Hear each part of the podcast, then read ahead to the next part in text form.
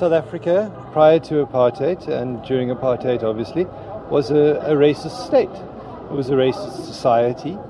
And that the laws passed by uh, that racist state and racist society were racist as well. My work uh, looked at the way that the racist laws and the racist thinking affected the laws on cannabis. So, what I really argue is that the laws against cannabis came as much from a racial foundation and colonial thinking as the apartheid laws did.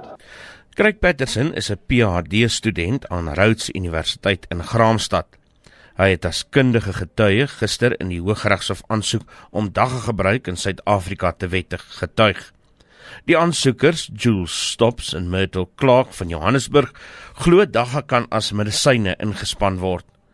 Patterson het in sy getuienis verwys na 'n aantal studies wat tussen 1937 en 1970 hieroor gedoen is.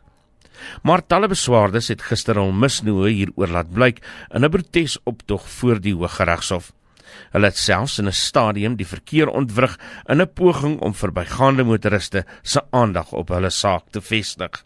I'm here today with the concerned young people of South Africa to protest against the legalization of dacha. And I have first-hand experience in my own testimony what dacha does. It, it made me personally rebellious, disrespectful towards my mother, teachers at school. And I want to make a difference by being here today against the legalization of dacha. Die betogers veroordeel alle pogings om die gebruik van dacha te wettig. Yes, I don't support dacha.